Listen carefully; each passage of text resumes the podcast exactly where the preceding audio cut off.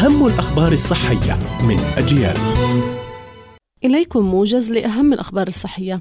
باحثون في الولايات المتحدة يحذرون من أن استهلاك الكافيين أثناء الحمل حتى ولو بكميات صغيرة يمكن أن يكون له تأثير على طول الطفل مستقبلا. وعادة ما يتم بدء النهار بفنجان ساخن من القهوة أو الشاي المحتوي على الكافيين أمرا مقدسا لدى البعض.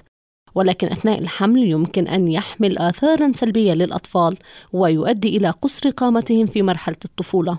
أخصائية غدة صماء تنصح بعدم تناول القهوة في حالة الصداع والدوخة والغثيان لأنها تسبب ارتفاع ضغط الدم وتزيد عدد ضربات القلب وتثير الجهاز العصبي. ويمكن أن يؤدي الكافيين إلى تفاقم حالة الإجهاد العصبي والقلق واضطراب النوم.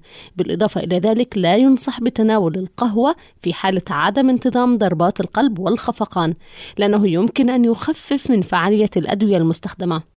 يساعد الفجل بنكهته اللاذعة في القضاء على المخاط الزائد وتنظيف الجيوب الأنفية وتهدئة التهاب الحلق وأعراض أمراض البرد. وذلك بفضل احتوائه على مضادات أكسدة قوية كما يساعد تناول الفجل على منع العدوى الفيروسية وتعزيز المناعة بسبب احتوائه على فيتامين جي. وقد وجد بأن الاستهلاك المنتظم للفجل يعمل على محاربة الميكروبات المختلفة ومنع الإصابة بالالتهابات. كانت هذه أهم الأخبار الصحية قرأتها روزانا طه. إلى اللقاء.